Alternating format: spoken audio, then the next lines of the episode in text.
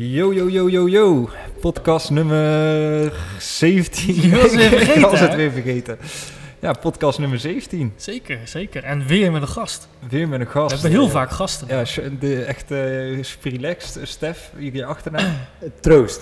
Stef Ja. Troost in de building. Oh, sick. Ben je, ben je familie van Simon Troost? Nee, Oké, nou. geen, eh, fuck of tenminste niet dat ik weet. Oké. Ja, lekker, leuk dat je wil aanschuiven, man. Ja, dankjewel man. Ja, Leuk we hebben elkaar eh, eh, twee weken geleden ontmoet bij de Web3 Meetup Ja. Zeker. in Rotterdam. Rotterdam. Daar hadden wij het in de vorige podcast over dat we bij zo'n meetup waren. Hij had het over een congres. Ja, Ja. ik noemde toevallig een congres. Ja, Ja, ja, ja. We gelijk, zijn eh, naar een congres geweest. Even een mooie naam geven. Ja, het was ja. eh, tien man of zo.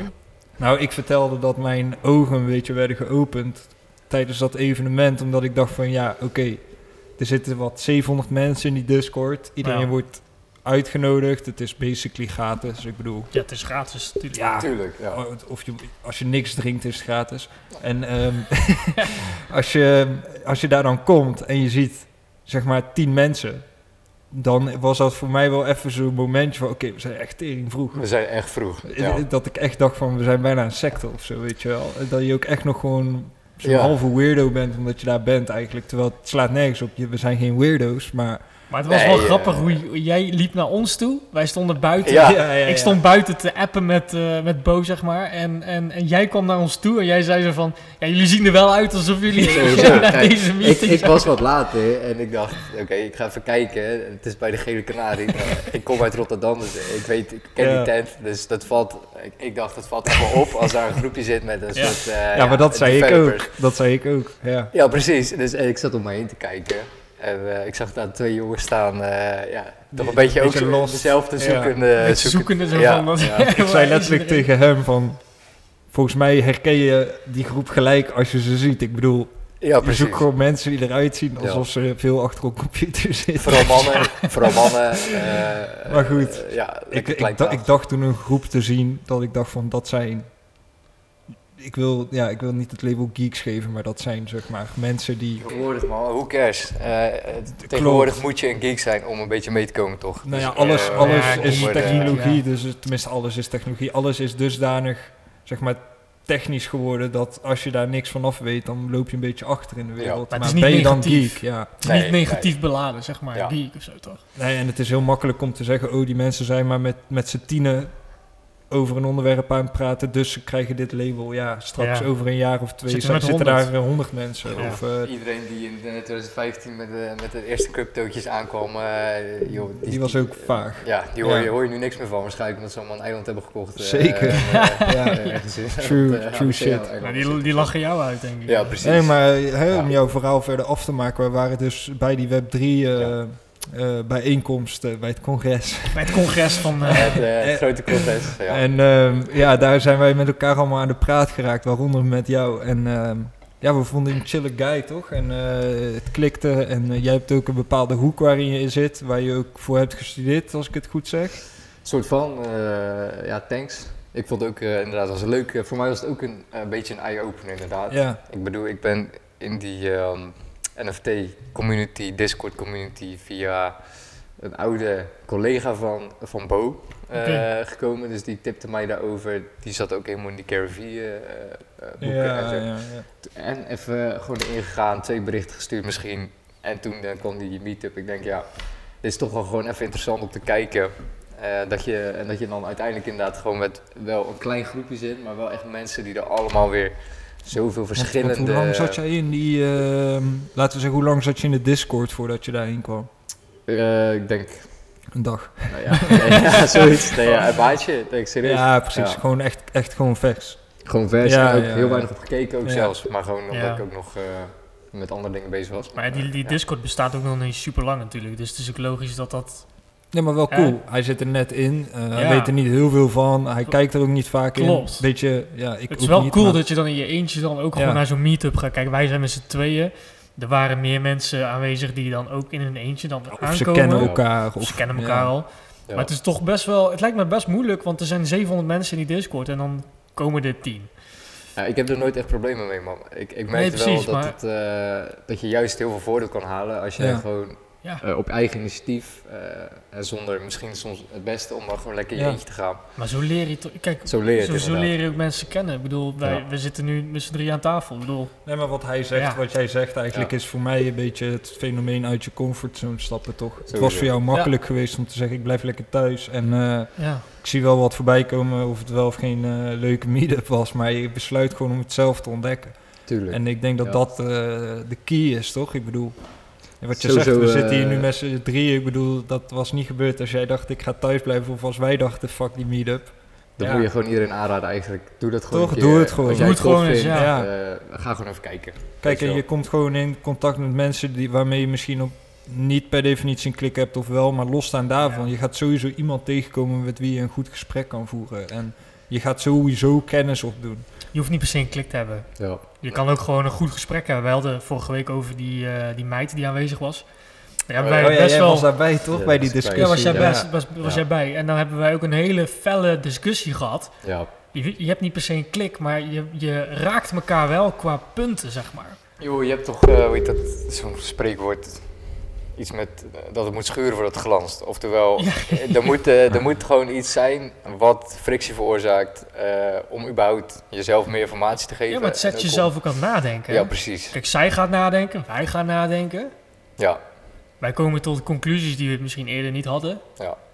Ik vind het interessant. Nou, kortom, join die eh, Discord, zowel van Metaverse als Web3. Kom Juist. naar die Juist, meetups. kom gewoon naar die congressen. Laten we... Thank me later, Bo, eh, voor deze ja, echt. hè. Nou, maar laten we van die 10 mensen 100 mensen maken of zo. Dat- Ja. Dat moet echt een goal zijn. Fucking Kijk, dik. de volgende keer bij die meetup zijn er misschien 20, daarna 30. Weet je, zo groeit Ja. het. En dan Ja, kom je elkaar weer tegen. Wij gaan weer, Ja. jij gaat weer. Ja. Dan zie je elkaar weer. Dan ontstaat er toch wel gewoon ja, een Ja. leuke groep. Het was echt serieus een van de meest leerzame en ook eh, eh, motiverende dingen om even in een groep te zijn. Ja. En Ja. Waar je niet de enige bent die soort van echt actief nadenkt over. Het is ook een soort van Eh. bevestiging dat je niet gek bent, zeg maar. Dat je Ja, alleen bent. Dus Ja, dat je dat je niet zo'n guy bent die in iets gelooft, Ja. waar de rest Ja. eigenlijk allemaal van zeggen, maar, pff, nee, dat is niks. Nee, er zijn ook mensen die zien wat jij ziet, zeg maar. Ja, precies. Hè? En dat is een beetje dat tussen haakjes visionaire eh, Ja. iets. Plus ik vond hebt. het ook chill dat het op een zondagavond was. Gewoon Ja, super chill, zondagavond. Niemand gaat helemaal een kacheltje. Het is geen, Nee. geen gekkigheid. Nee, het is joh. gewoon eh, gezellig even een drankje doen. Ja. En, eh, en Ja. niet te moeilijk. Ja, Maar vertel even meer over jezelf. Ja, ja, ik ben wel wij- benieuwd naar, naar jouw achtergrond, waarom je überhaupt in deze wereld bent gedoken. Wat, wat, waarom trekt het jou?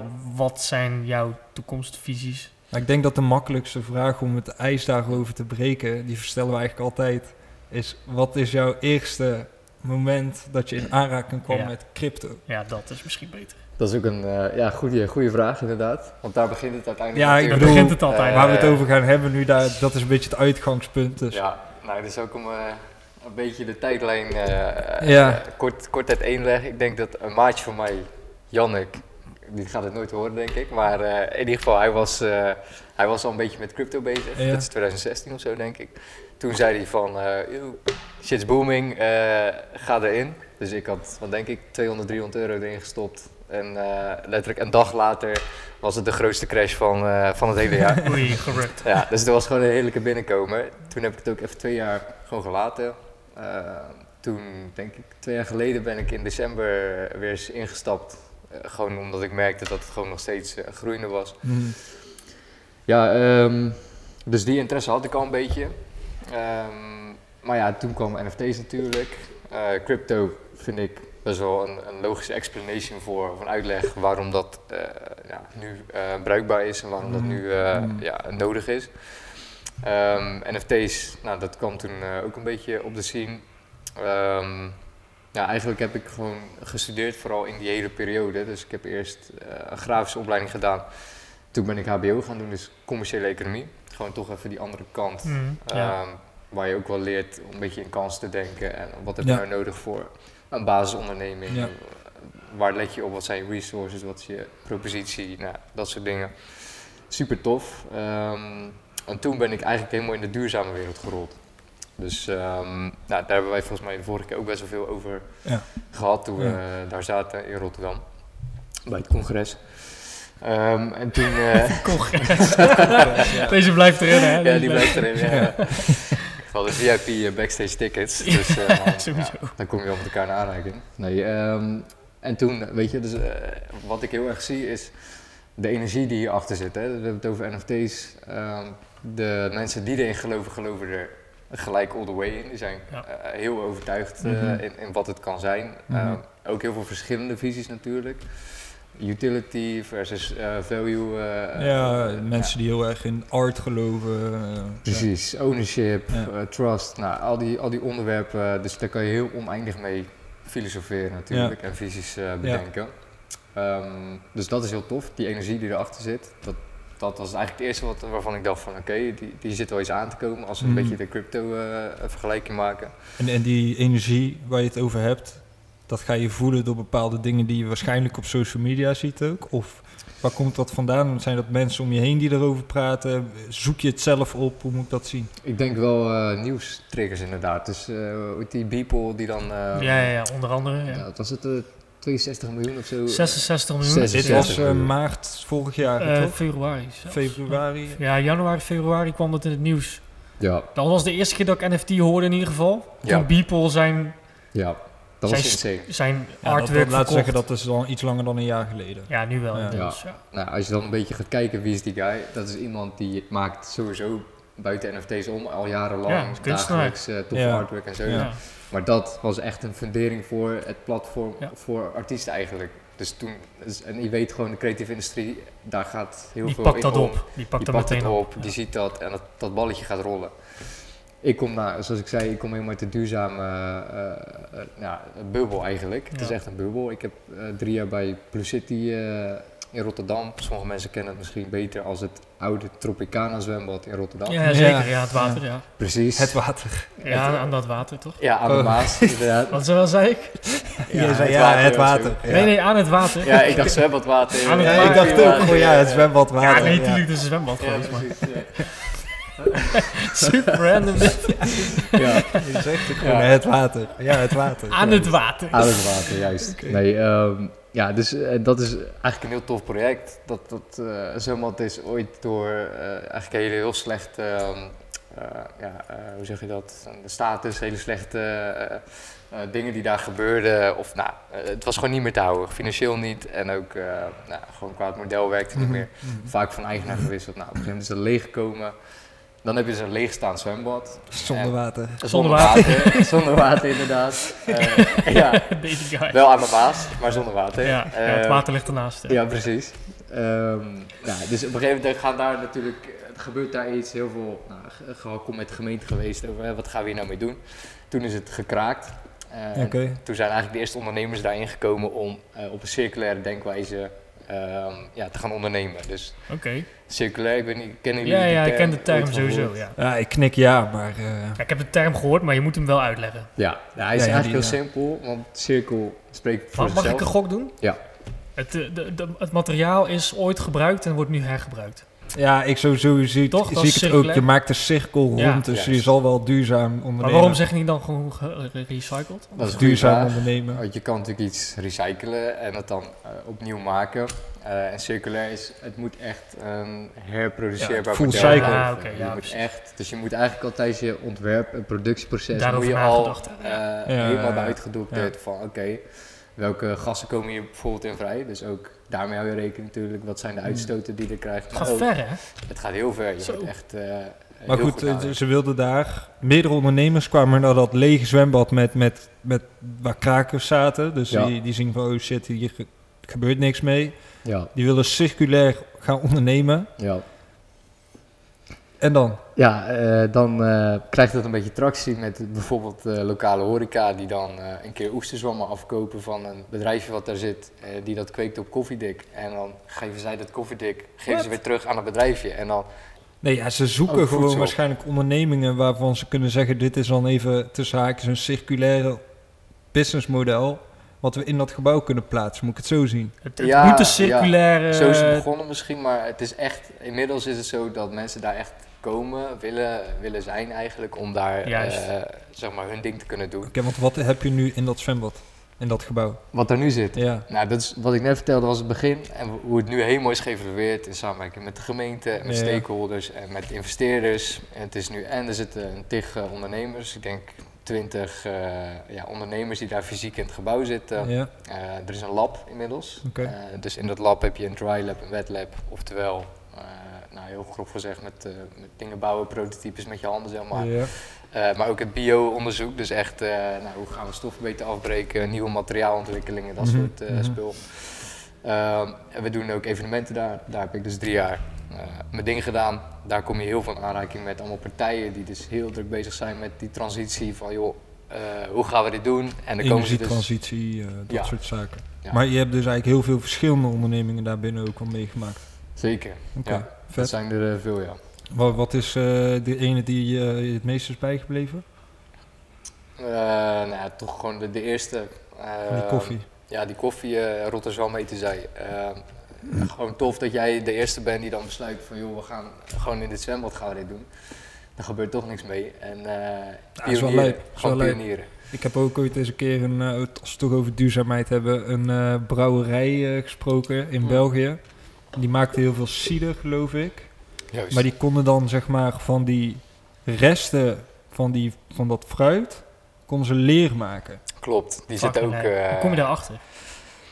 Hoe Ja. ik daarachter kom. Nee hoe, nee, hoe kom je er überhaupt achter dat je daarvan leer, oh, leer kan, kan maken. Ja, Ja. I don't, dat, dan moet je waarschijnlijk in zo'n Dat la- vind ik zo lab bijzonder. zitten. Dat, dat, want het, het gebeurt vaak trouwens dat zo van eh, producties, de restanten, daar opeens iets van kunnen maken waarvan ze dat vooraf niet wisten. Ja, dat maakt En het dat- eh, ja. duurzaam. ja, Maar het is natuurlijk niet dat je zeg maar zegt van... ehm hé, opeens kunnen we hier iets mee. Nee, het, is, het begint bij die denkwijze van... Ja, oké, ja. waar zijn de reststromen? Zeg Ja. maar, dat is een veelgebruikte Wat term. zit, er, wat zit erin wat, Ja, wat waar je ergens iets mee kan Ja. toepassen? Ik bedoel, eh, en elk bedrijf heeft ermee te maken. Ik bedoel, ehm, Maar eerlijk, leer, stel je voor jij draagt een riem en die is gemaakt van fruitresten, maar het is gewoon legit leer. Niemand, niemand weet dat. ja. Maar toch, eh, ik bedoel, maar zo werkt eh, misschien de kledingindustrie ook, eh, weet je wel, of, of brands überhaupt. Het gaat ook dat, dat jij als consument weet, ik koop nu iets wat en verantwoord is, ergens Ja. ziet er tof uit. Er zijn er al van jou weten af circulaire om businessmodellen gecombineerd met een stukje Web3 metaverse is. Wat je nu aan het begin met zien is bijvoorbeeld waar we het al net over hadden als goed voorbeeld is die kleding. Ehm, je, je ziet nu wel een paar brands, ik weet de naam even niet, maar die zijn echt al best wel actief bezig met hun eh, keten eh, vastleggen. Dus, eh, Tommy kledingstuk, Hilfiger is eh, eh, van de ja, week Precies. mee bezig. Ja. Ja, dus die binden dus eh, een kleding aan eh, een NFT of aan om Ja. gewoon de, de transparantie van die productieketen te waarborgen eigenlijk. Eigenlijk toch ook wat Daar Adidas en Nike nou doen. Ja, nou ja, precies. Eh, dus de, de mass adoption is denk ik dichterbij dan we denken. Eh, Ja, maar juist in fashion is Ja. NFT's nou eigenlijk best wel de booming, zeg maar. ja, ik, ik kijk heel erg naar de ondernemers bijvoorbeeld eh, die ik daar heb gezien. Ik heb ook een tijdje bij een ander eh, bureautje stage gelopen en zij deden heel veel ondernemers eh, support, start-up support. Nou ja, als jij een beginnend ondernemer eh, bent, wat heb je nodig? Geld. Gewoon Ja. Een stukje kapitaal. Een stukje kapitaal. Eh, nu kan dat steeds beter als je met een duurzaam, circulair, eh, tof idee komt. Subsidies en potjes en zo, toch? Ja. Heel veel potjes zijn er. eh, je hebt subsidieregelingen. Je hebt eigenlijk een, een soort van ja, onderverdeling, vaak onder provincieel potjes. En die gaan allemaal weer naar suborganisaties en die kunnen dat dan weer verdelen. Het nadeel wat ik nu zie gebeuren is, ehm, is dat, dat er een hele hoge verantwoordingsgraad ligt. En ook een heel erg diverse verantwoordingsgraad ligt in die subsidies. Dus oftewel, jij hebt echt een tof idee om, eh, nou weet ik veel, eh, noemen ze wat, een eh, mooie zand eh, of een strandparasol te maken van eh, oud eh, zeeplastic. Zo, weet ik veel. Sick. Schiet idee. Ja, een goed idee. Ja. Ja, gratis. Let's go. Morgen, Let's morgen, go. morgen is het vastgelegd. Ja, precies. En je hebt daar een, een heel mooi eh, idee bij. En jij ziet bijvoorbeeld een gemeentevraag, eh, subsidievraag van, joh, wij zoeken een, eh, een ondernemer die bezig is met het probleem eh, strandafval. Ja, plastic, bla ja, bla. precies. Ja. Nou, dat, dan denk jij in je hoofd natuurlijk, ah, goede match. Ehm, maar wat jij dan nog niet weet is dat er heel veel strakke eisen zitten aan, dat, eh, aan die aanvraag. Het is logisch natuurlijk, elke investeerder wil, wil, heeft bepaalde kaders wat hij wil weten, waar hij in wil werken.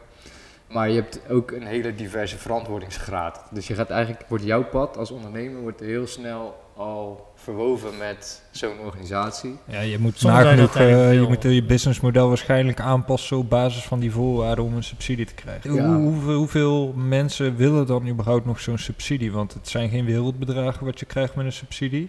Plus je zit met heel veel regels. Je moet heel veel moeite doen. Weegt het op om dan te vechten voor een subsidie? Dat, ehm, dat weegt wel op, want er zijn nog steeds wel mensen die, die dat aangaan, gewoon omdat ze ermee bezig willen zijn. En ik begrijp het niet verkeerd, die subsidies kunnen ook voor heel veel mensen een uitkomst bieden en dat kan ik echt wel tot hele toffe resultaten leveren.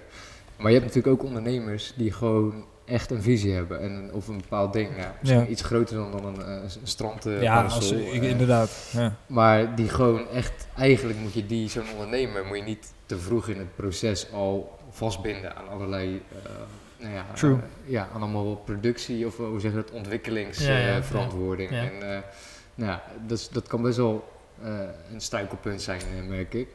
Dus dan denk ik, dat is een beetje de link die ik dan zie in, in NFT's. Eh, helemaal als je kijkt naar greenwashing bijvoorbeeld, hoe grote bedrijven van die, eh, ja, van, van die eh, goed uitziende projecten supporten. Terwijl die transparantie nog laag ligt en het vaak echt een showproject is. Ja, dan is het super tof eh, om eens te kijken naar NFT's van, joh, eh, Maar zie je dat dan meer, zie je dat meer dan dat projecten dat gewoon gaan funden dan? Dat, dat NFT-projecten het gaan funden? Hetgeen wat de ondernemers willen bereiken. dat is inderdaad de goal. Ehm, Want kijk, NF NFT's worden nu heel vaak ingezet om gewoon geld op te halen. Eh, Het kan een fundingmechanisme zijn, bedoel je? Ja, maar- ja, sowieso. het is ook een Ja. soort van veredelde Patreon-model. Maar wat Of, kun je dan... eh, Ja, ik, dan ik, ik gelijk- snap wat je bedoelt met. Patreon-model, maar het is ja, ook gewoon... Ja, Patreon, ja. kijk, als jij Kickstarter. Kickstarter. Ja, maar het is ja. ook gewoon op zoek gaan naar... ehm, eh, op het moment dat jij zeg maar met een NFT-project iets de wereld inbrengt... heb je sowieso een heel ander type bereik... en een, in mijn ogen een groter bereik vandaag de dag als je in Nederland woont... en je gaat zoiets vermarkten. Net als, eh, we hebben al een keer iemand, ik heb al een keer iemand gesproken... die wil een franchise maken van zijn business. Ja. Maar die zegt van ja, niemand kent mij in het buitenland. Dus ik kan nu wel naar andere landen gaan en zeggen... yo, ik heb dit bedrijf in Nederland, hier zijn we succesvol, wil je mijn franchise? Ja, nobody gives a shit about Nobody you, toch? Ja. En hij eh, gaat nu NFT's als springplank gebruiken. Ehm, niet alleen voor het funden om het kapitaal te krijgen om die franchise op te zetten, maar ook gewoon puur door het feit dat je daardoor internationaal Ja, eh, bekend gaat eh, worden als het loopt. En ik denk dat dat ook heel uniek is, dat je nu iets kan uitbrengen wat gelijk, zeg maar, door ja, iedereen in de wereld gezien kan worden. Ja, je pakt een wave. Dat is het ook. en bedoel, dat is het voornamelijk, hè? Je pakt een dan wave. nog uniek en dan- bent ja. en zo, en Ja. weet je, dat is super sick. En dan Ja. is het wel een fundingmechanisme, maar het is meer dan dat, toch? Ik bedoel, Ik kreeg die vraag vorige week natuurlijk ook al, Ja. of eh, twee weken geleden, van ja, waarom zou je dit niet gewoon contractueel vastleggen? Of waarom zou je dat niet... ja, je kan Ja. ook een Kickstarter gebruiken als Precies. jij eh, wilt Ja. funden, toch? Ja, maar ik denk dat, het- dat je dan niet de value begrijpt van zo'n NFT-collectie, toch? Ja. Ik bedoel, En de community, eh, het karakter van community-based Ja, het, eh, eh, je bouwt een, wat je zegt, je bouwt een community op. Nou, Ja. alleen dat al heeft fucking veel kracht als, als dat een aantal Want mensen dat is zijn. bij Kickstarter bij lange niet hoor. Community bouwen. Je, ja, je, je, je, ba- je, hebt pledged. wel, je hebt wel mensen die dat gaan volgen, hè? Klopt, maar je pledged en eigenlijk daarna... Ja, Kijk, het principe Ja. ligt niet heel niet ver echt van elkaar verbonden af. of zo. Nou kijk, eh, wat jou verbonden maakt aan een NFT-project is die NFT waarschijnlijk. Hè? Dus Dat je hebt die NFT in je wallet, je bent gewoon connected. Dat is een Ja. gevoel, als je een NFT hebt, dan En ken je dat gevoel. Ehm, bij Kickstarter investeer ik, ik zie dat die target wel of niet wordt gehaald. Ja. En ik praat met al die mensen die ook hebben geïnvesteerd. En ik krijg waarschijnlijk korting op Het de product, launch ja, eh, of product. product. Of, Ja. Maar Ja, met zo'n dat is eenmalig, snap je? Met die NFT-collectie kan je die community blijven voeden. Je kan ze dingen gaan teruggeven. je kan een seizoen 2 technologie. launchen. Plus het is een hele diverse groep.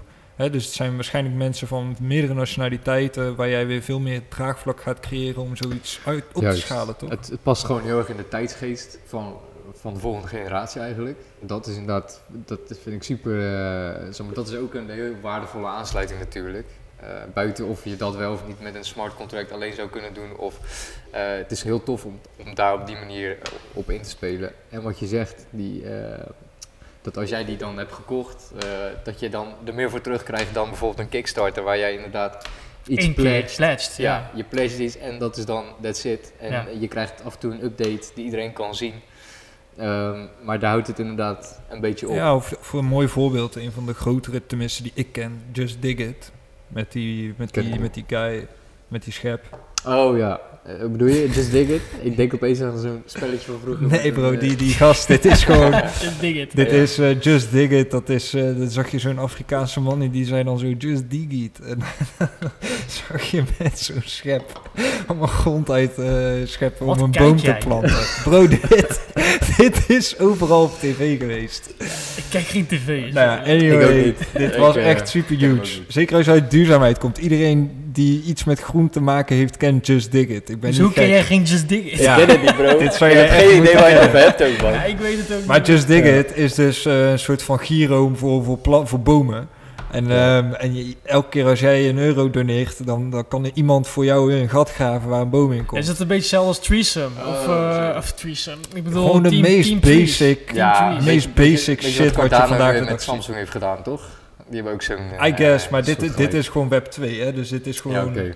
is gewoon Original. normaal. eh Ja. is ni- niks Web. Web 1 eigenlijk. Maar wat nou als je dat zeg maar kan doen in een NFT-collectieproject, dat je gaat zeggen van nou, die boom die is van jou als, als, als jij die NFT holt, weet je wel. Dan voor elke NFT-holder plaatsen we 10 bomen en één van die bomen wordt van jou. Ja, ja dat, dat bewijst, of eh, dat is toch een soort van bewezen veel met dat meer Team. Trees, eh, dat dat Team, werkt. Team Trees is zoiets. Ja, Ja. Oh, dat bestaat in de, in de space. Team Trees is van Mr. Beast. Oké. dat is, eh, ja, inderdaad, dat is van Mr. Beast. Ja, je, eh, je doneert een euro en ze planten een boom. Of het Maar is die boom dan van jou? Nee, nee, de boom is niet van jou. Je hebt gewoon ge- geholpen. Oké, Ja, dus oké. Je hebt het ook echt dat, je, dat die Ik boom echt van jou is. eh, NFT's heb zit je een dan stukje toch. grond Met toewijden. Ja. NFT ben je dan gewoon eigenaar van die boom. En dat is gewoon je certificaat, zeg maar. Kijk, ik heb het hier wel eens eerder over gehad. Ja, toch die- over dat ene hebt al vaker eh, Costa bomen, Rica ja, eh, Costa Rica. Kijk, dit soort shit wordt toch super interessant als wij straks iets moeten aantonen om te laten zien, hé, hey, wij helpen om eh, CO2 te neutraliseren. Ja, ja, ja. Snap je? Het is Ja. eigenlijk een hele eh, fijne stap om, eh, als je het hebt over valideren van jouw bijdrage, dan is het een hele fijne stap. Plus nog juist. alle perks en dingen die eraan kan hangen. Eh, je kan dus, dat, dat, vond ik, dat vind ik ook zelf een heel interessant onderwerp. Als je het hebt over NFT's, wat zijn die perks? Ehm, deze vraag stelde ik ook eh, die twee weken geleden en toen zei eigenlijk iedereen, ja, je kan zo gek maken als je wil. Je- Vandaag de dag is het nog niet zo relevant om te zeggen dat ik als mens eh, iets moet bijdragen aan het neutraliseren van CO2. Het is meer een soort van, hey, wil jij een goed mens zijn, doe dan iets voor de natuur. Maar het is, er hangt niks aan vast, er zijn, er zijn geen standaard dingen die je doet, behalve plastic scheiden, wat niemand doet. Ik Juist. bedoel, er is nog niks, maar er gaat wel iets komen. En, en we zitten in een energietransitie. En de energietransitie vind ik, daar ben ik echt van overtuigd, het is echt een ondergeschoven kindje. Dus we hebben het allemaal over metaverse, we hebben het allemaal over eh, oorlog, over pandemieën, over virussen. En niemand heeft het over de energietransitie. Terwijl ik denk, jongens, dit Ja. is de grootste, een van de grootste dingen die gaat gebeuren in, dit, in deze decade. Gewoon heel Ja. ons leven gaat veranderen door deze shit. Dat is eigenlijk een soort van het voordeel en het nadeel van eh, als je uit zo'n duurzame bubbel komt. Eh, want de dingen die jij net beschrijft, die thema's, weet je wel. Van, eh, ja. Daar, ben daar zit je, als je daar Jij zit daarin. Ja. Weet je, de, dus daar- daarom is het denk ik heel belangrijk om uit die bubbels te gaan. Net zoals de NFT-community. Hoe complex is het nu geworden in een hele korte tijd? Die moeten ook uit een bubbel gaan om die, om die adoptiebarrière wat lager Juist. te maken. Kijk, Maar- want die, voor jou leven, wat ik net tegen je Ja. zei, toch? Van die energietransitie en wat wij straks als mens moeten gaan aan kunnen tonen of niet. Het ligt er maar net aan wat je wilt gaan betalen per maand. ja. Ehm, voor jou heeft dat geleefd, maar voor, voor Leandro leeft dat totaal niet. Ehm, voor mij, ik weet het toevallig omdat ik die juist, ik heb wel eens ondernemers gesproken die dan weer wel daarin zitten. Ik ga me erin verdiepen. Ik zit er Ja. echt tussenin. Mhm. Maar ik heb het gevoel dat dit over het algemeen gewoon niet leeft. Nee, dat, dat is echt een nee, probleem. dat leeft sowieso niet. Het is echt een groot probleem. Terwijl jij weet beter dan ik hoe groot dit is. Ja, het is nog gevaarlijker dus dat de mensen dus die in zo'n bubbel zitten niet doorhebben hoe weinig het nog leeft. Ja. En dat merk je dus ook als jij dan, dan zegt van ja, dat is ook gewoon waar, weet je wel. Er zijn heel veel mensen, zeg maar, hoe in je dagelijks leven, hoeveel kom je er nou echt mee in aanraking, weet je wel.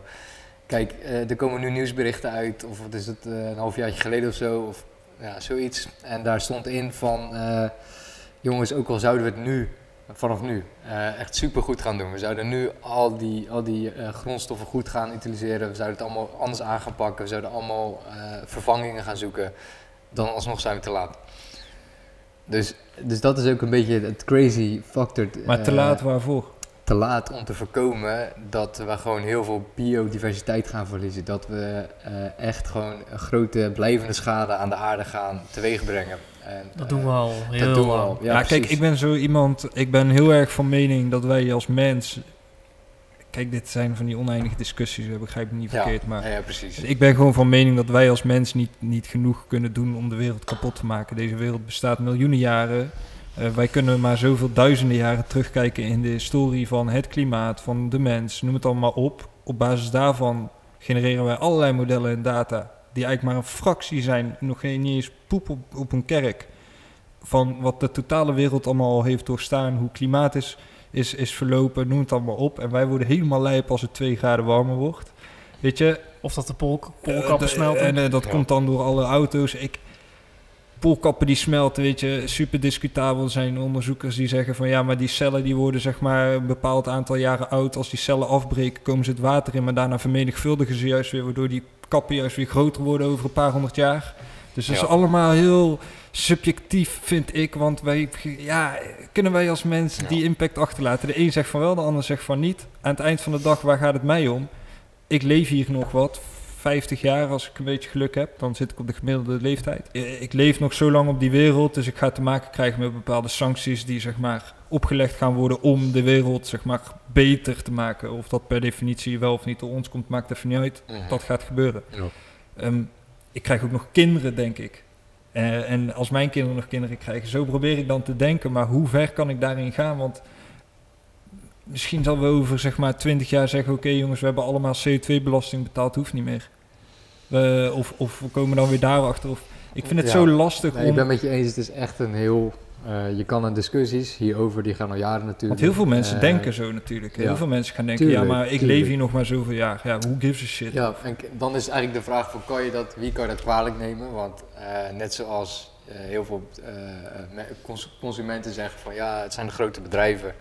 Ehm, Ja, die, die, die spelen er mee. Ja, Die maar weet je wat de mee grap is? natuurlijk, De- maar- je kan dat zeggen, maar de eerste sancties die gelegd worden zijn bij de grote bedrijven. Hè? ja, nee, tuurlijk, tuurlijk. Maar en dat is ook goed, hè? Want eh, laten we eerlijk zijn, die moeten ook wel echt even eh, het, het roer een beetje omgooien. Ehm, maar ik vind inderdaad ook niet, je kan het ook niet helemaal bij de consument Nee. leggen. En daarom denk ik dus dat bijvoorbeeld zo'n eh, zo'n nieuwe techniek als NFT's, dat zijn eigenlijk allemaal technieken die je als een soort Hail Mary moet gaan inzetten om jongere generaties gewoon daar heel actief mee Bewust betrokken van te te zijn. maken, ja. En die willen dat ook wel. Hè? Kijk naar Team Trees, kijk naar Team C's. Eh, dat is niet alleen gericht op bedrijven en dat soort dingen. Nee, er zijn heel veel van die, van die community volgers die gewoon echt gewoon allemaal een paar dollar, prima. Ja. Eh, maar als, als dat er is, dan werkt het gewoon, weet je wel. Dus eh, dat zit er wel in, in die jongere generatie. Die willen dat wel. En nu moeten we gewoon de juiste brug vinden om hun ten eerste bewust te maken, maar ook om het accessible te maken. Mhm. Om te zorgen Mhm. dat Maar wat denk je van leuk maken? Leuk, ja, maar daarom ook NFT's toch? Gamification werkt toch al jaren? Als jij een Ja. play-to-earn game kan maken waar iemand en een bepaalde token verdient, maar dat die token zeg maar weer bijdraagt aan iets wat met de Ja, maar natuur... ja, dan doe je het speelsgewijs. Ja, is vanuit een perspectief. Ja. En nogmaals, ik denk dat je dit niet kan veranderen. De ontwikkeling zal altijd zo zijn dat wij ons als mens moeten aanpassen om de wereld schoner te maken, toch? Ja, ja als collectief. Hè? Dus, dus eh, ja, je kan een papiertje oprapen van straat. En ja, je kan zorgen dat jij je netjes recycelt. Maar als collectief, dus als Maar bedrijfsleven... life, ook als lifestyle, hè? Dus eh, hoe vaak pak je de auto? Pak je, Ja, ga je op de fiets naar je werk? Waar Ja. doe, je, doe je je boodschappen met de auto of ga je Ja. op de fiets? Ja, nee, dat, dat, Dat zijn hele impactvolle keuzes die je, die je zelf kan maken inderdaad. Maar als, als, als maatschappij, als collectief, als, als eh, de zakelijke wereld, eh, die moeten dus echt die commitment gaan maken. Eh, kijk, als een Shell nu opeens een soort van brand switch zou doen naar een groen schelpje en ze zouden opeens alle, weet je, allemaal dingen goed gaan maken. Eigenlijk een beetje te laat voor dat soort mensen. Ja, voor, dat voor kan niet meer Dat kan niet meer, weet Nee. je wel. Maar eh, dat soort stappen, net zoals een Nike en, en dingen nu die, die, die transparante eh kledingproductieketen aan het doen Mm. zijn. Ja, dat ga je heel veel zien, denk ik. Je gaat heel veel grote Ja, bedrijven ik, ik kopen vind dat zo'n lastige ontwikkeling, man. switch. Want het is een hele tegenstrijdige ontwikkeling. Want op het moment dat wij zeggen van oké, eh, uitstoot verminderen, iedereen moet stoppen met benzineauto's rijden. eh, en we moeten in één keer tien codecentrales bijbouwen om accu's te maken. Mm. Wat zijn we dan eigenlijk aan het doen? Ja, dat is gewoon geen goed model. want- Kijk, eh, Nee. Nederland bijvoorbeeld, die, wij hebben als Nederland, hebben wij, duizend- jij kent het misschien, duizend miljard geïnvesteerd om voorloper te zijn ehm, als zijnde duurzaam land in de wereld. Nederland wil zeg maar de voorloper zijn in, in de, de groene Dus dat wereld. het bedrag zo is. eh, Duizend zo hoog miljard. wordt? Ja? Twee, twee weken voor de vorige verkiezingen hebben ze dat gedaan. Oké. Heel Ja. slim trouwens. Ja. Ehm, jarenplan. eh, ja, ja. knallen ze gelijk even doorheen voordat ze het eh, kwijtraken met de verkiezingen. ja. Duizend miljard alsof het niks is. Eh, dit, dit zijn facts, snap je? Dit kan je opzoeken, dit gebeurt. Oké. En mijn studieschuld dan?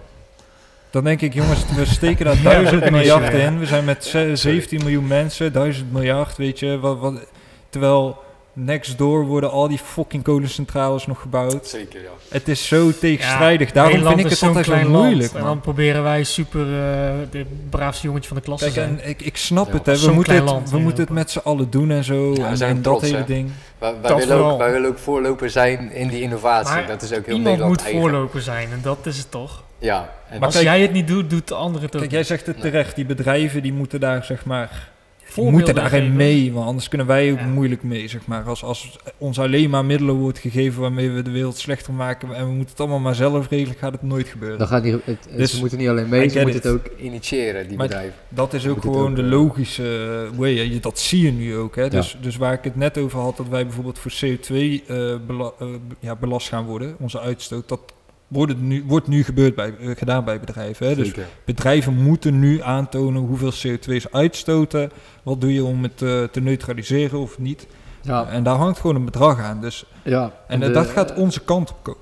Zeker. Naar de consument. Ja, Naar de consumenten. Daar hebben we het al wel eens vaker ja over gehad. keer besproken. maar Ja. ik, daar zie ik de grootste link met de metaverse. Even losstaand of wij het als mens wel of Ja, niet kunnen precies. oplossen. Ja. Want ik zie dat, ik, ik vind dat een overtuiging. Want niemand baseert dat op echt, kan dat op keiharde feiten baseren. Los, ja, feiten die, nou ja, fuck die discussie. Maar wat ik dan denk is, als we daaraan moeten bijdragen en we kunnen dat allemaal digitaal gaan doen. Dus even gewoon niet meer die auto, al is- niet eens meer de fiets. Nou, een elektrische fiets kan misschien zelfs ook op het rode lijstje komen, want die accu die gemaakt moet worden is slecht voor het milieu. Die krijg, kun je ook niet Eh, afbreken schijnbaar. Hè, die, die is niet bi- bio-afbreekbaar, dus misschien moet ik daar zelfs belasting voor gaan betalen. Hoe fucking knows? Een, eh, een lastige situatie die je schetst. Want eh, aan de ene kant ja, dat is de nieuwe generatie, daar gaan we naartoe natuurlijk. Ja. Maar eh, ik weet niet of jullie daar, hoe jullie daar, eh, hoe, ja, wat is jullie idee daarbij? Hoe comfortabel zijn jullie met, ehm, Metaverse. ja, eigenlijk met de metaverse en, en in hoeverre dat Nou, een soort van je menselijk, je, je, je menselijke experience. Wij hebben hier best wel een discussie over gehad Oké, van... Wat denk jij, hoeveel procent van ons leven wij straks in de metaverse Ja. gaan... De, Ja. de, eh, Vaste luisteraars kennen deze, hè? Ik bedoel... Vaste luisteraars Ja. vallen in herhaling, maar... ja. oké, ja. Hoeveel, heb, eh, van, hoeveel procent van je leven ga je in de metaverse zitten? Nou, hoeveel procent van je leven spendeer je digitaal, hè? Laat ik het zo zeggen. want Juist. om dat verloop even in een notendop bij te schetsen. Want er zijn nu mensen die luisteren die denken... oh, daar gaat die Christophe weer met zijn eh cycle. Eh, het, is een het zijn allemaal cycles. hè. Wij zijn heel, ik geloof heel erg in cycles. Hij toevallig ook. Maar Oké, ja. Geloof gewoon in cycles. Dus dingen verlopen. En Ja, ja. verlopen, is een patroon. verlopen later op dezelfde manier in een ander jasje, zeg maar. Ja, ik kan patronen, dat, Ik eh, geloof daarin. Die zie ik ook altijd. Patronen Ja, zitten overal. Ja, Dus oké. overal zit ergens wel een soort van ritme in, zo maar even zeggen. Ja.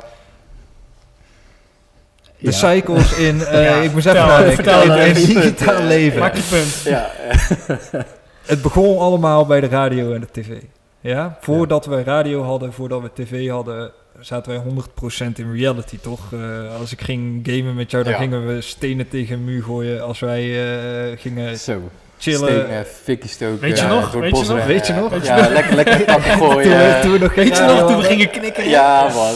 Zo, Maar goed, hey. ehm, Dat was de shit, jongens. ja man, dat was Ja. eh, vuur maken. Maar goed, tijd. Ja, dat was leuk. toen er geen radio was, was 100% van je leven realiteit. Was gewoon de shit. Dat je, wat jij leefde, leefde je. Toen, Ja. kwam, toen kwam alles wat meer digitaal op komst. Dus tv, radio, al die shit. Fast forward naar smartphones. Ja, even in, ik wil even in een notendop uitleggen. Ja, ja, ja. We zi- zitten in een wereld waar eh, je leven in je broekzak zit, waar alles connected is. Kortom, dit zijn facts. Het gemiddelde van de mens vandaag de dag is 60% van je leven spendeer je digitaal. Dat betekent 60% van alles wat jij doet in je leven, doe je met een verbinding plus minus aan internet. Om het even simpel te maken. Ja. Dus dat kan zijn een foto maken van iets wat je mooi vindt. Ja. Eh, dat kan zijn een recept opzoeken voor datgene wat je gaat koken. Eh, Ja. Dat kan zijn een video tijdens het sporten.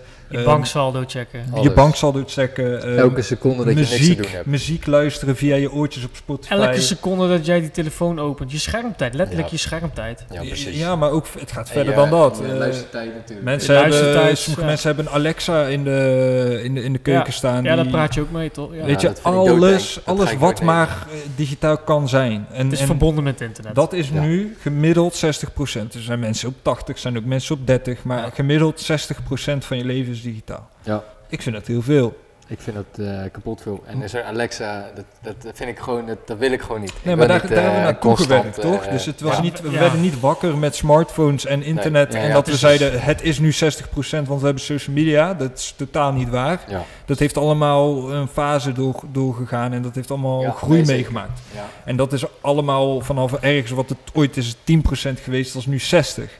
Maar dat is een cycle. En, en dat bedoel ik dus. Van, ik zie gewoon dat die cycle zich gaat verlengen, dat dat meer gaat worden. En die link met duurzaamheid vind ik daarin echt enorm belangrijk. Maar ook Omdat- een cycle die gaat ervan uit dat er ook weer een, toch een soort van breekpunt komt, toch? Een, eh, een, top, een top van de cycle. En dan moet het weer plummeten. En dan gaat het weer Ja. naar beneden. Hoe, hoe, hoe zie je dat dan? Wat zou dan hiervan de, Ja. de plummet zijn? Kijk, op het moment dat wij zeg maar eh, gaan preachen naar de buitenwereld, en met wij bedoel ik eigenlijk grote bedrijven of overheidsinstanties, ehm, dat je belast gaat worden voor hoeveel CO2 je uitstoot, dan Ja. gaat dat in het begin, net als met stakingprogramma's in, in NFT's en crypto, heel aantrekkelijk zijn. Ja. Want op het moment dat ik dan zeg, hey, ik doe mijn boodschap in de metaverse, zeggen ze tegen mij, nou Christophe, omdat jij zo'n ster bent dat jij je boodschap in de metaverse doet, krijg jij 50 euro korting per maand voor je Ja, CO2-uitstoot. gewoon die mensen eerst lekker maken. Dan kan ik twee dingen doen. Dan kan ik denken, oké, ik spaar 50 euro of ik kan eindelijk weer gaan motocrossen omdat ik 50 euro heb bespaard. I don't know. Maar precies. Mhm. hè, als dat zo gaat zijn, dan wordt het in het begin waarschijnlijk heel aantrekkelijk voor jou om iets te laten zien dat je neutraliseert. Op het moment dat dat zeg maar een soort van mass adoption gaat bereiken, dan wordt het veel minder interessant. Dan gaan ze in één keer zeggen van ja, nu eh, krijg je nog maar 25 euro voor het Ja, boodschap in de metaverse doen. Dus, dus dat is En dan- eigenlijk. Dus dat, Dan ook- gaat het plummeten. dus dat zelfs in die eh, adoptie van die, dat, dat transparante wat Nike doet, gewoon die, die adoptie van eh, gevalideerd laten zien dat jij meedoet, dat jij Ja. betrokken bent. Dat dat op een gegeven moment ook een soort van verzadiging gaat bereiken, Tuurlijk. waardoor, Ja, Tuurlijk. waardoor het niet meer tof wordt en dat het dan Dan dus- gaat het weer eh, imploderen. Maar dat, dat ga je ook met NFT's en crypto's. Je ziet het al bij sommige projecten, bij best veel trouwens. Ehm, jij stapt in een project en je hebt eh, een API van 300, zeg maar. Dus je krijgt 300% per jaar van je... Kijk naar Lux, Lux, Lux Rare. Ik bedoel, in het begin had je 700 eh, API, zeg maar. Weet je wat de API is? Dat is een yield, toch? Ja, de eigen Ja, yield, ja, yield- dus yield farm, je krijgt soort yield 300% van je investering op jaarbasis terug Ja. als je Ja. hem steekt. In het begin was het daar dus 700%, nu zit ze op 130. ja, dat is gewoon zeg maar, als bij, Zo, hun zeggen paar mensen letterlijk... echt lekker geboeid. Nee, maar eh, dit- is toch shit. logisch? Ja. Want je wilt mensen laten adopten. Dus wat ga je zeggen? Hey, de eerste duizend mensen die hebben die 700%. En als die binnen zijn, het eerste wat we doen is naar 500%. Maar want zo die reuring en bla bla bla. Nou, en dat is mass adoption. Anders maar niet. Ja, want dat vind ik een goeie inderdaad. Want eigenlijk is hetzelfde. Ik vind het een goed punt trouwens. Die, die cycle. Ik denk, ik geloof er ook wel in. Dus ik denk dat het net zoals. eh nou, Voor mij gaat het heel erg Er samen. moet een, een, een, Ja. een soort van breekpunt komen. Er moet, iets, eh, er moet een hoogtepunt bereikt worden natuurlijk. Ehm, maar wat jij dus zegt is inderdaad gelijk van ja, oké, maar dan krijg je dus wel mass adoption.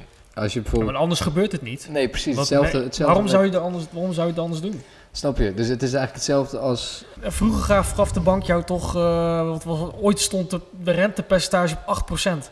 Ja, Ja, En nu is tuurlijk, het, eh, eh, hoppatee, geld op de bank. Nu, voor mij moet je geld le- bijleggen. Ja, ja. Bij moet, ton betaal je negatieve rente. nee, maar Ja. dat is dus hetzelfde verhaal. Hè? En, Ja. en nu maken ze jou, eh, nu willen ze jou onboorden in, eh, in crypto. Ja, precies. En dan is daar opeens alle voordeel. Tuurlijk, maar, het is, maar kijk, dus inderdaad, dus, dus je hebt dat, dat effect, dat, dat bestaat. Maar het resultaat, je moet ook naar het absolute resultaat kijken, denk ik. Mhm, Net mhm. zoals je bijvoorbeeld een heel, een heel groot, eh, machtig bedrijf wat gaat investeren op een greenwashing manier misschien in een paar projecten. Kijk, is het, is het heel, eh, is het netjes, is het goed? Nee. Maar is het eindresultaat nog steeds dat daar uiteindelijk een, een heel tof eh, circulair gebouw staat of dat er een nieuw showcase is laten zien van hoe het ook kan en weet je wel, dus je, het is een beetje, het, eh, hoe noem je dat, eh, je, moet het, je moet het goede met het slechte nemen, Ja. wat, wat dat betreft. Maar ik ben ook heel benieuwd hoe dat uitziet dan, inderdaad, Zo- zo'n Ja. zo'n plummet van, van dit dan weer, weet je wel. wat is het hoogtepunt wat En- wij en nu kunnen waar, bereiken? waar moet dit beginnen? Want wij kunnen dit wel als Nederland willen. Eh, en Nederland kan gaan zeggen, wij gaan jullie belasten voor CO2. En eh, ja, weet je, als je een metaverse boodschappen doet, wordt het, wordt het goedkoper. Ja. Maar dat gaat bij lange na niet een impact hebben die het Ja. kan hebben als eh, de US zoiets gaat zeggen. Eh, maar ook als gaat eh, de US mee, eh, gaat Europa mee. Ja. Maar ben je om, om toch niet? nog de, de vraag Van net eh, voor, voor deze hele lus ingingen. Ja. Eh, de vraag was natuurlijk, hoe comfortabel zijn jullie met, met die hoeveelheid tijd? Eh, Ja, inderdaad. hoe Goed dat je scherp, man. Hoe, Ja. Kijk, ik ben comfortabel, persoonlijk, maar hij weet het al, met, met 80% digitaal. 80%. 80, 90%. Ook als dat letterlijk je hele Ja, man. eh, om- visie, omgeving... Zie je het als Dat- eh, de Apple Glass met continu dat kan shit zijn, even om mezelf te... Ja. Hè, het kan zowel augmented, virtual, XR, het, het, maakt me niet, het maakt niet uit, weet je. Maar ik Ja. geloof gewoon, als ik naar die cycle kijk, als ik kijk naar zo'n stukje duurzaamheid... Ik denk zelf dat met werk, boodschappen, al die shit wat gaat bijdragen... Vooral nogmaals aan dat stukje uitstoot, aan belasting per maand voor, voor jou als persoon...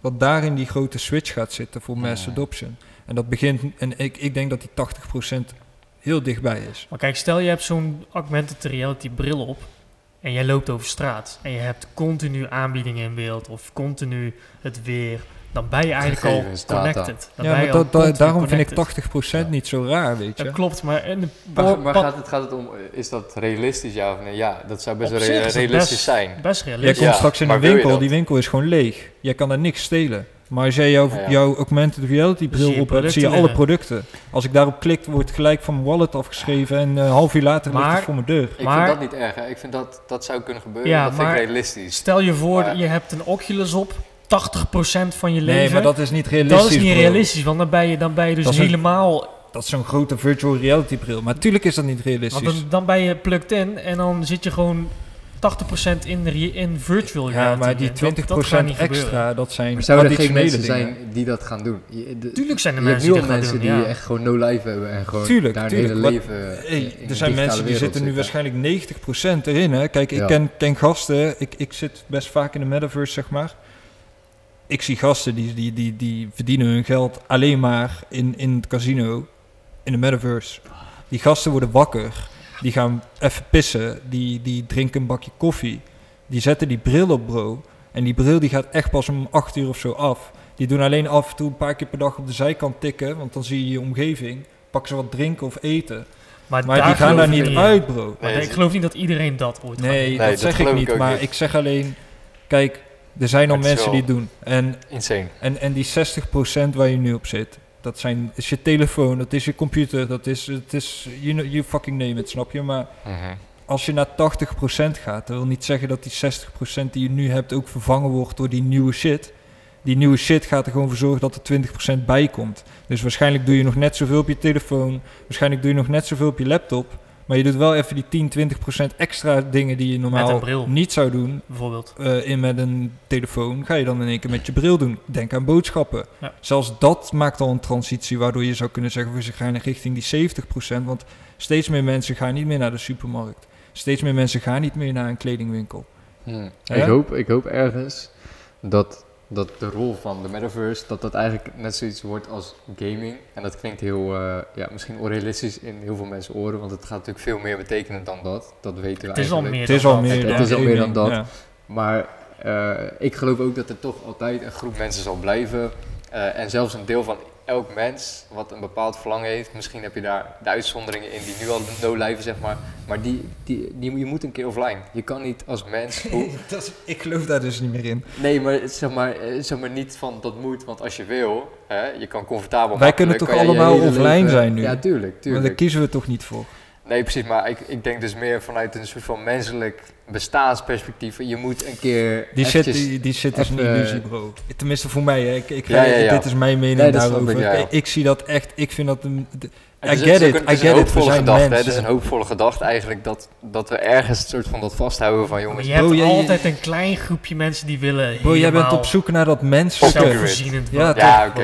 Je bent gewoon op zoek naar het menselijke van de mens, eh, eigenlijk. Dat is wat je zegt. Ja, precies. Kijk, en ik ben daar heel erg. Eh, mensen zouden juist het vooroordeel hebben bij bij mij dat ik juist helemaal eh, digital minded ben. Maar sterker nog, mensen die mij echt kennen, die weten dat mijn last resort, als ik niet succesvol word, om wat voor reden dan ook, dan pak ik mijn shit en ik ga in Alaska wonen. Juist. Ik ga off the fucking Juist. radar. Niemand weet waar de fuck ik woon. Ik Ja. ben gewoon loose, maat. Ja, Kijk, zo denk voel ik. ik echt fucking hard, want Kijk, dat is gewoon... dat is mijn droom, hè. Om, om dat te doen, zeg maar, om, om zeg maar, zo'n stap te maken. Dat, dat, dat is dat stukje mens wat je in je hebt, vind ik. Van, eigenlijk weten we allemaal dat wat wij nu doen vandaag de dag met die telefoons, dat het eigenlijk niet, het is niet menselijk, snap je? En Mm. we gaan nu richting een wereld waar AI in één keer heel groot gaat worden. Eh, nou, de, ga alsjeblieft onderzoek doen naar artificial intelligence. Dat kunnen wij straks als mens niet eens meer bijbenen.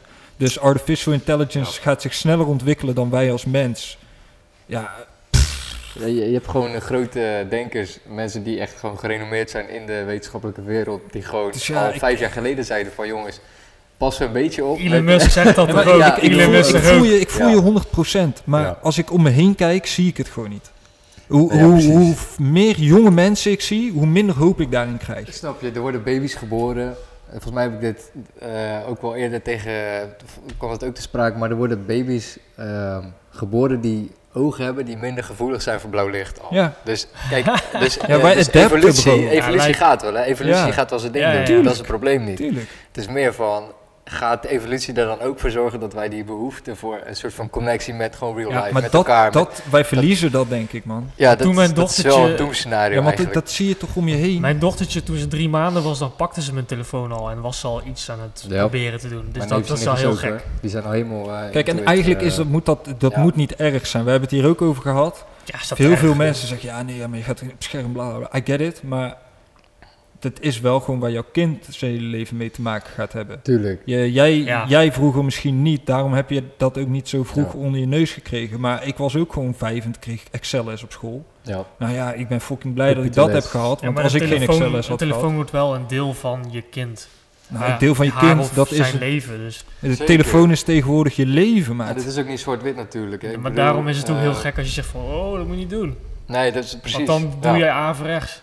Ja, het, en- het is niet zwart-wit, het is grijs. Je, je gaat je kind natuurlijk geen kansen ontnemen je- om goed te kunnen mee dat, te komen. Ja, waarom zou je dat willen? Nee, ja, precies. Dat wil je sowieso niet, weet je wel. bewustzijn is een ander verhaal. Bewust maken van... Tuurlijk, Je moet- bewustzijn. Dat klopt, maar dat wat jij zegt vind ik een heel valide argument, toch? Van, we zijn toch ook gewoon nog mens. Ja. Ja, ik vind het heel jammer. Ik zeg het vaker, van ik hoop het niet. Maar ik, ik ben er wel, als ik heel realistisch spreek en kijk, denk ik gewoon oprecht dat die 80, 90 procent digitaal helemaal niet onrealistisch is. Nee, zeg maar, Als wij daar niet voor waren, als wij niet op die shit Ja. waren, dan waren we nu ook niet zo ver gegaan met de telefoon, toch? je- je- Dan hadden we toch op verschuift het, hè. 40 procent al gezegd, jongens, we gaan, wat doen we? Ja.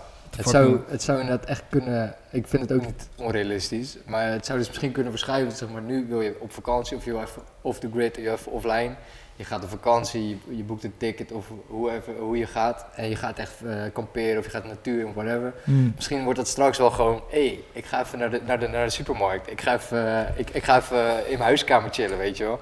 En dat dat al eigenlijk een nieuwe, een nieuwe, way, eh, zeg maar, nieuwe layer wordt Ja, maar van, het, het gaat eh, in mijn ogen nog veel uit. Het gaat nog verder, want oh, oh, pff, maat, dan wordt het echt zo van, hé, hey, ik heb hem in het echt ontmoet, hè.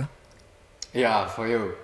Eh, ik heb hem in real life heb ik hem nog, zeg- heb ik hem nog eens over gekeken, weet je wel. Ik zou nu toch- al vijf jaar Nu, geleden, nu maar... zou je naar iemand lopen en zeggen, hé hey, maat, ik heb hem in de metaverse ontmoet, hè. Maar over vijf of tien jaar, ik geloof daar gewoon in, dat je gaat zeggen, hey, ik heb deze guy in real life ontmoet, hè.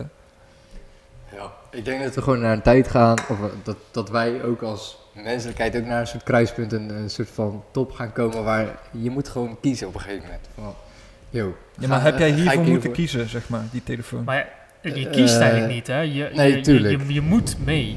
Ja, nee, nou, Ja, je moet Waarom heb je jij een mee. telefoon ooit aangeschaft? Ja, dat, dat, wil- Tuurlijk, dat wil ik om, dus om ook. te communiceren, want dat, daar begint het. Hè. Het je begint wilt toch communiceren? Menselijke interactie, je gaat, dit is een nieuwe manier hoe wij als mensen met Mm. elkaar communiceren. Dus ik wil ook zeggen, telefoon. eh, laat maar, maar zitten. Ik, laat, ik koop hem niet. Ja. Tuurlijk, en dan kom je niet mee en dan krijg je natuurlijk niet echt een chill leven, omdat je gewoon alles om je heen ziet veranderen waar je gewoon nul besef Dus van je hebt. isoleert jezelf. Ja, dus, maar dus er moeten dus eh, nieuwe wegen, denk ik, een soort compromis, geen eens een compromis. Er, moet gewoon een soort van, eh, iedereen moet voor zichzelf bepalen waar het percentage voor hem gaat liggen. Ja, ja, maar Dat die mensen, zijn, kijk, er zijn mensen die zullen zeggen, wij zijn niet op die shit, wij gebruiken Ja. geen telefoon.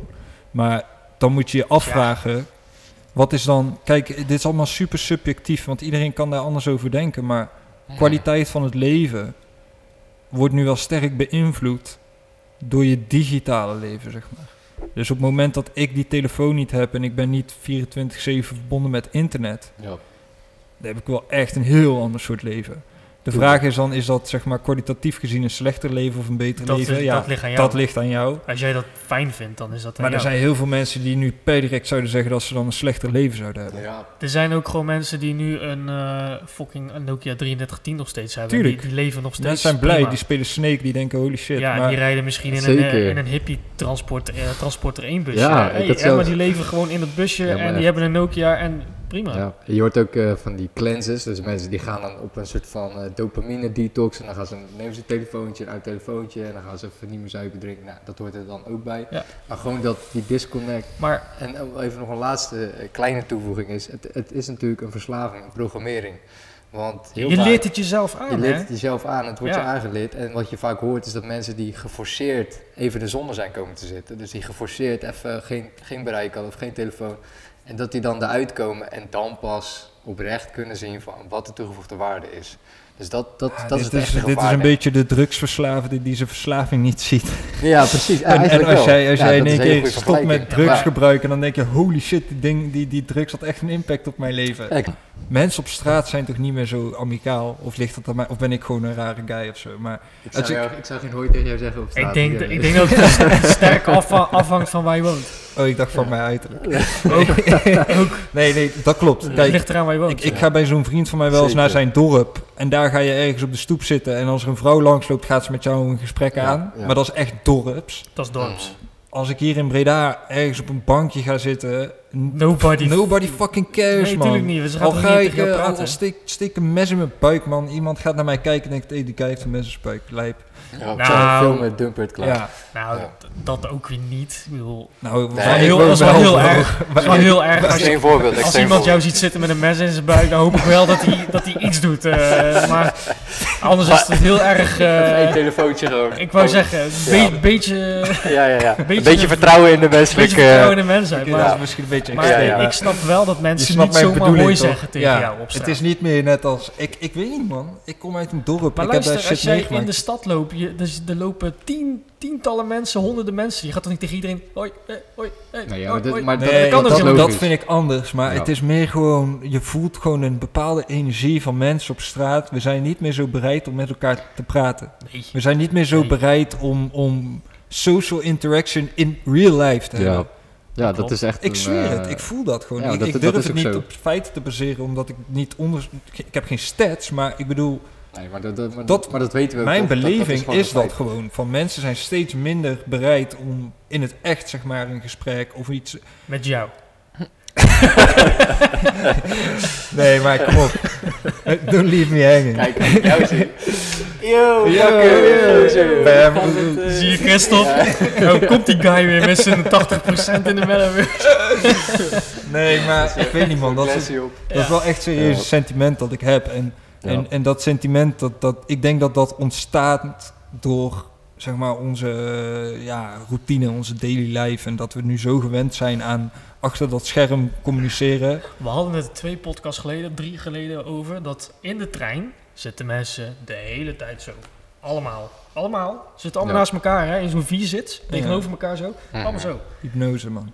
Iedereen negeert elkaar. Ja. vroeger, nou vroeger, voor de telefoon waarschijnlijk, zaten mensen met z'n vieren gewoon lekker. eh, wat- ga jij doen vandaag? Eh, waar kom jij Of van, vandaan? yo, Eh, heb je dit gezien? Eh, de, de fucking metro laatst. Precies, dat soort dingen. En nu zit iedereen oortjes Hey, in. weet je wanneer dit nu gebeurt? Als jij allebei een trui aan hebt van dezelfde NFT-collectie. Dan gaan mensen pas Ja, praten. ja, dat boordtapes verhaal. En eh. Ja, dan vind ik dat het super, die hele grap is dan van die connectie wordt pas gemaakt in het echt wanneer die connectie er digitaal is. Ken- ken je dat ja. verhaal? Snap je wat ik Nee, bedoel? ken ik niet, maar... van, van de Board Ape owners. Ja. Er waren gewoon twee gasten in het vliegtuig en die hadden allebei een Board Ape Yacht Club hoodie aan. Ze kennen elkaar niet, ze zaten Mhm. los van elkaar in het vliegtuig. Eentje voorin, eentje waarschijnlijk halverwege, maakt even niet uit. Die ene gaat naar het toilet en die loopt dus langs die andere guy en die ziet... Hey, you have a Board Ape eh, hoodie. Oh, you're also a Board Ape owner. Want Yeah, die man, kon je yes." alleen maar hebben als je... Kan je alleen hebben als je holder bent. Ah, ja, oké, ja, ja, niemand ja, kan die halen. Ja, tenzij je fake eh, print of zo, maar dan ben je echt fake. Ja. Maar, niet, maar in ieder geval, enough. ja, ja. ze geraakten met elkaar in gesprek en ze gingen helemaal omhelzen en helemaal van wow brother, yo bro. En een andere man die ook in het vliegtuig zat, die zei eh, tegen hem van hey, do you know each other? Eh, no, no, eh, one minute ago. First time we meet. Ja. maar die man die dacht, dat zijn matties, die zetten elkaar helemaal, die, die, die zitten helemaal te praten met Maar elkaar. goed, dat is ook als jij, wat hij zegt, eh, als jij allebei een ACDC shirt aan Juist. hebt. Ja. hetzelfde En dan zie je dat zo'n community ja.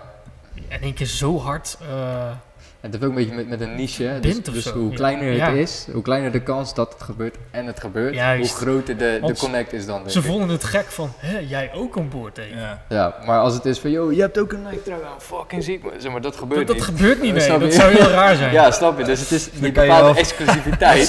Het zou echt super droog sketch zijn. fucking grappig zijn als je dan...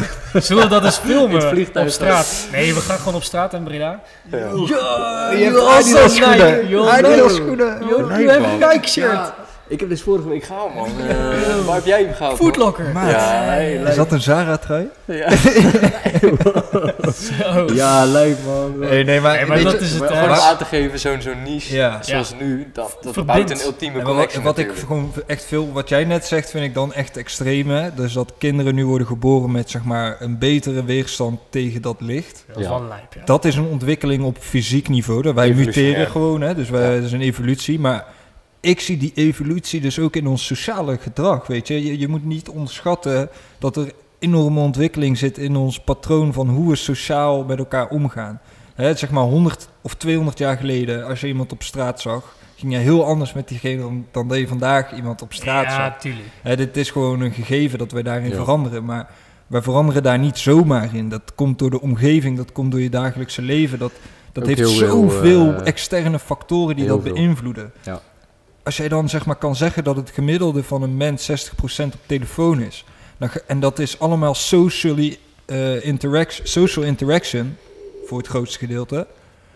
Dan kan dat toch niet geen impact hebben op onze social interaction in real life, zeg maar. En ik denk dat het gevolg daarvan is geweest dat mensen dus vandaag de dag on- online meer tegen elkaar zullen zeggen dan in het echt. Ja. En dat als jij straks in de metaverse, zeg maar, elkaar een hand kan geven. Ik kan jou een box geven, ik voel die.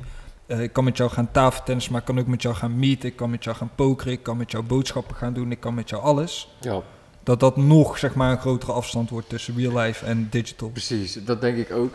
Ehm, maar het is natuurlijk ook wel... eh, ja, het is social interaction. Het gebeurt online, het is social interaction. Maar het is, vind ik, geen natuurlijke vorm van social interaction. Want eh, hoeveel mensen... Er zijn heel veel onderzoeken zijn er nu al wel niet uitgekomen over jongeren die zwaar depressief zijn. Vooral jonge dames die gewoon zichzelf duizend keer vergelijken met, met Ja, alle... Instagram, TikTok. opgepompte eh, chicks die daar gewoon nu op staan. Ja, ja. Eh, weet je dat en ook gewoon jong, gewoon alle jongeren. Hè? Dus ehm, Ideaalbeelden, die, die verneuken die shit. Precies, weet je. Dus eigenlijk is dat als, als je maakt niet uit wie jij tegenkomt in real life. Je gaat altijd iemand ook kunnen beoordelen op zijn eh, energie, gewoon hoe die is, zeg maar. Eh, en dat, dat, dat kan dan niet meer Nou, eigenlijk. kijk, ik, dat, dat vind ik een heel goed punt. Kijk, Ja. ik, ik ben zelf iemand, ik ehm, hecht daar heel veel waarde aan. Hè? Dus als ik iemand ontmoet, ik voel gewoon iemand zijn energie. Ik kan Ja, gewoon precies. voelen, ben je legit of ben je gewoon... eh, hè, ben je ja, vaak- ja, ben je, klikt ben je of lullen of ben je gewoon... eh, ja, maar het gewoon de, heel iemand zijn Ja. vibe, toch? En eh, dat klinkt voor sommige mensen zweverig, van iemand zijn vibe of iemand zijn energie. Wat lul je? Nee, je hebt er is duizend namen logisch. voor. Je hebt er duizend namen het is, voor. je voelt het gewoon. je voelt van Kijk, elkaar, er ik zijn allemaal energiestromen, zeg maar. En, en dat uiten we in wat we doen, hoe we praten, hoe we kijken, hoe we lopen. En Ja. dat, dat heb je gewoon niet in de metaverse. Kijk, ik zit dan aan zo'n pokertafel bijvoorbeeld, weet je wel. Ja, En dan zit je gewoon zoals je nu hier zit. Maar Met ik kan poppetjes. met poppetjes. met avatars. Maar ik Ja. praat met jou. dus ik voel jouw emotie wel in die zin van als jij praat, hoor je emotie toch als iemand praat. Ik bedoel, als iemand boos is. Ja. Dan, En geen is bewust, ook onbewust. Wat je heel veel registreert. Ja, en- lichaamstaal. maar aan, het is wel freaky hoor, want je ziet ook een stukje lichaamstaal. En dat is dus waar ik naartoe wil. Dus kijk, zeg Oeh. maar, je ziet of iemand achterover zit. Je ziet of iemand naar voren zit. Je ziet of iemand iets met zijn handen doet. Je, dus het, het is wel freaky hoor, maat. Ja, Kijk. Ik, ik heb zelf veel in die metaverse gezeten. Ik zit er nog regelmatig in. Eh, hij heeft het één keer meegemaakt. Ik zeg het tegen iedereen die ik tegenkom van... Je gaat niet geloven hoe echt die shit is als je het hebt meegemaakt. En daarom ben ik ook zo'n believer daarin. Omdat het zo immersed is. het is zo ja. verslavend. Je bent zo snel hooked. Dus het voelt Het voelt echt als een, eh, als, als een ruimte waar je in zit met andere mensen. Je Dat bent, weg, je bent ja, je letterlijk weg van de realiteit. Kijk, Je, je voelt niet eens meer dat je in je woonkamer bent. eh, Eigenlijk, je, je, bent je, je, Ja, bent je hersenen voor de gek aan het houden. Ja. Want je ziet iets, terwijl het niet helemaal je waar voelt is. ook iets, hè? Dus je, ja, je voelt ook. je, letterlijk jouw zintuigen die gaan dingen meemaken die er eigenlijk niet zijn. Ja. Maar jouw zintuigen maken om een of andere reden het onderscheid gewoon niet. En hoe langer ja. je erin blijft zitten, hoe erger het wordt. Ja, maar dat is Ja, denk ik niet? Ja, dat is niet zeker goed. Dat is toch niet goed voor je hersenen? Ik heb Nee. een vriend van mij gehad, die is voor Voor, de je, eerste... voor, je, voor jou als mens is- het lijkt me dat gewoon... Ja, Beschadig je niet Geen, dan je eh, hersenen? Of zo? nee. nee, ik denk niet dat je je hersenen beschadigt. Ik klinkt denk, als, een, als best wel een intense vervorming van je nou, eh, je gang bent van gewoon... zaken, eh, zeg maar. Of gewoon hoe jij k- bent. Kijk, wij hebben toch een cognitief denkvermogen. Ja. En een cognitief denkvermogen is als het ware, zeg maar, gewoon onze... Gewoon die eerste shit die je voelt of, Gewoon of denkt wanneer wat je jij aan, nu aan denkt iets denkt. gelijk, ja. Dat is cognitief denkvermogen. Dus eigenlijk doe je daarmee een aanname. Cognitief denkvermogen is een aanname. is een soort van aangeleerd patroon in je denkvermogen. Ja, gebaseerd op Is het niet gewoon overleven een- eigenlijk. gewoon en reflex, op, toch? eh, Ik, ja, we- ik reflex, weet dat ik elke intuïtie. ochtend koffie wil, dus mijn cognitief denkvermogen weet tot dat ik naar die koffiemachine moet gaan lopen en dat ik die aanzet. En Ja. dat is, Ja. In zo'n immersed experience geef je je cognitief denkvermogen, zeg maar, Over. even een, een, een klap gewoon. Die denkt, oh, we gaan nu dit doen. Maar nee, we gaan niet dit doen, vriend. We, gaan, we zitten in één keer in space en eh, we gaan vliegen en we gaan tien koprollen doen. En I love it. Ja, dat fucking love it, Maar maar kijk, in eerste instantie zet je dus jouw bril brain op. wordt gewoon fucked. Ja. Je zet die bril op, dus jouw, jouw hersenen registreren, ik zet de bril op. Ja. Maar eigenlijk ga je heel iets anders doen dan alleen die bril opzetten. Ja, ja, eigenlijk, dat is wat jij bedoelt, toch? Ja, want je weet op... Kijk, je kan wel op voorhand zeggen, ik ga tafeltennissen in de metaverse, maar er is iets... Dat kun jij niet... Ik kan het niet uitleggen, je moet het ervaren, maar Ja. je, je kan het niet comprehenden, zeg maar. Als, Nee, ja, dit klinkt echt als iets... Ik moet er misschien gewoon even een keer... je moet er gewoon een keer één op in. hebben ook. je moet er gewoon in. Even, je moet er gewoon in. Je moet er- ja, maar in vooral met en een dan, virtual eh, reality ja, ja. bril. Je moet erin. Juist. Nee, eh, That's what she said. Maar, Maar, je ja, moet dit meemaken, denk Ja. ik, omdat soort van... Want je hebt toch die, die term, de, de, eh, die, die uncanny valley. Dus als iets lijkt, eh, als iets heel als iets een foto moet zijn, bewijs van... En eh, bepaalde dingen kloppen niet, bepaalde verhoudingen. Ja. Ja, Dan, ja, ja. dan flip je een soort van, omdat Klopt. het gewoon net niet realiteit is, maar het, heeft wel, het triggert wel heel veel eh, real-life shit, zeg maar. Ja. En dat is denk ik, eh, zo klinkt het een beetje. Ken je die visual van die trap die Infinity doorloopt? ja, die oneindige Die trap. oneindige trap. Ja. Dat is zo raar om naar te kijken, Ja. want je, je kijkt een- naar een trap die omhoog gaat, maar eigenlijk... Dat is nou iets wat jouw Fucking cognitief raar. Denkvermogen niet aan kan. Die denkt, ik kijk naar een trap, een trap moet omhoog en omlaag. Juist. Ja. En maar jij ziet een trap die gaat omhoog en omlaag Juist. en naar links en jij denkt, huh? fucking En, rare en dat kan jij niet bevatten, zeg maar. Ja, en, En dat, dat- is en dat is dat is nog alleen visueel. Dus Dat Ja. is visueel, ja. dat is nog geen eens je, je, je onderbewustzijn. Dus dat is al gewoon dat je bewust... Klopt, ja. Maar misschien ook je onderbewustzijn. Maar je vooral dat- niet eigenlijk ergens. Maar kan je nagaan dat je ook nog eens iets anders voelt? Ja. Dat je dat ook nog eens helemaal... Maar kijk, als je, het- als je zo ver wilt gaan over onderbewustzijn. Kijk, hier ben ik. eh, dit is een onderwerp waar ik eh, heel veel van heb gelezen. Ja, ik heb ja. ook lucide dromen en zo ja, heel lang ik, ik, geoefend. ik heb er ook wel eens een eh, spreekbeurt over gegeven. Over inderdaad, wat gebeurt er met je brein Ja, als jij in je Kijk, remslaap eh, komt. En, voor de mensen die hier helemaal niks van weten. ja. We hebben een bewustzijn en we hebben een onbewustzijn. En ons bewustzijn pakt echt niet meer dan 20% op van wat we allemaal meemaken op een dag. Ja, Hè, dus echt een fractie, een vijfde, zullen we maar even klopt. zeggen. Jouw, on- jouw onbewustzijn is veel sterker. Hè, wij zien allerlei dingen, wij vangen allemaal dingen op die we eigenlijk zeg maar, niet niet bewust bewust van zijn, opvangen, ja. maar we vangen ze wel op. Ja. Ehm, en jouw onbewustzijn uitzicht, uitzicht weer in jouw bewustzijn. En dat, dat, daar wordt het altijd heel Wavy. wavy. Ja. Maar ehm, jouw onbewustzijn is dus eigenlijk veel krachtiger dan je bewustzijn. Maar er zijn dus ook manieren om in je onderbewustzijn te komen. Dat kan natuurlijk, kan met drugs, eh, kan van alles kan je Many doen. ways. Ja. Maar wat ik heel erg merk in zo'n metaverse, is dat je een soort van... Je krijgt een soort van tussenweg van je bewustzijn en je onderbewustzijn. Dus in je onderbewustzijn, zeg maar, loophole daar zitten ook je fantasieën een soort van. Hè, Ja. Dus in je onderbewustzijn wil je ook het onmogelijke, als ik dat goed uitleg. Je, je, je hele inbeeldingsvermogen wordt een beetje plastisch en het, is een, het heeft een functie. Het heeft, Ja. een, het heeft een verwerkingsfunctie Zeg maar van dat inbeeldingsvermogen Is- wat jij hebt, komt voort uit je onderbewustzijn. Maar op het moment dat ik in zo'n metaverse ga zitten, wordt al die st- wordt heel erg geprikkeld, zeg maar, om. Ik kan dit niet uitleggen, man. Dit ja is, nee, eh, het is duidelijk. Ik moet, ik moet gewoon in de metaverse en gewoon... Ja, eh, daar, daar komt het uiteindelijk op neer. ja, ja. Ik raad dat iedereen aan. Iedereen Word die jij denkt betaald van, door, de, door Mark? Nee, of, Hij eh, wordt nee. betaald door de metaverse. Eh, Ja, door de ik word betaald door ja. Oculus en door Mighty Baby Ah, Dragons. sick, hey, maar eh, wij zijn al eh, Over, Zo. overtime. En nou ja, Oh ja? om het af te sluiten voor de mensen die denken, hoe de fuck kan je denken dat Shit. Metaverse daarheen gaat? Ja. Jij gaat nu naar huis echt met... Doe een, fuck doe ik? Nee. doe een Oculus bril op gewoon. ik ga gewoon zo naar buiten en dan ga ik hoi zeggen tegen iedereen die ik ja, Oh, in de bus straks. Hoe is het? Hoi. Meneer de buschauffeur. Ga jij praten met degene naast jou straks? Zo, dat is wel Of- een goede of- challenge. Of Ja. iemand die een. Nike zicht aan heeft. Wat deed jij toen je naar hier reed?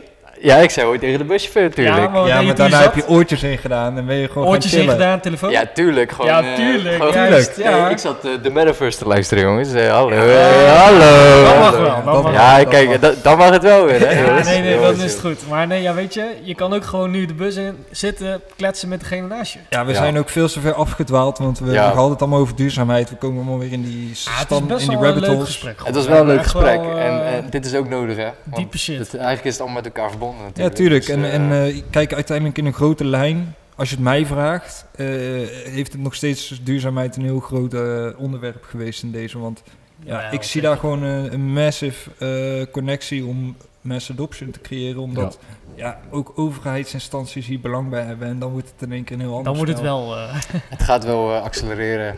We, we zijn nog lekker vroeg. Dus eh, sowieso heel vroeg. we kunnen Ja, misschien, eh, misschien moeten we dit een keer een staartje geven om dieper op die duurzaamheid shit in te gaan. Want we, Ja. ik heb het gevoel dat we nog veel meer daarover kunnen Ik vertellen. heb elke podcast het gevoel dat we nog meer kunnen zeggen. Nee, maar nu hebben we het een beetje meer ook gewoon even laten horen aan de mensen. Hoe staat Stef nou in al die mad shit die wij elke keer preachen? Ja, je wel?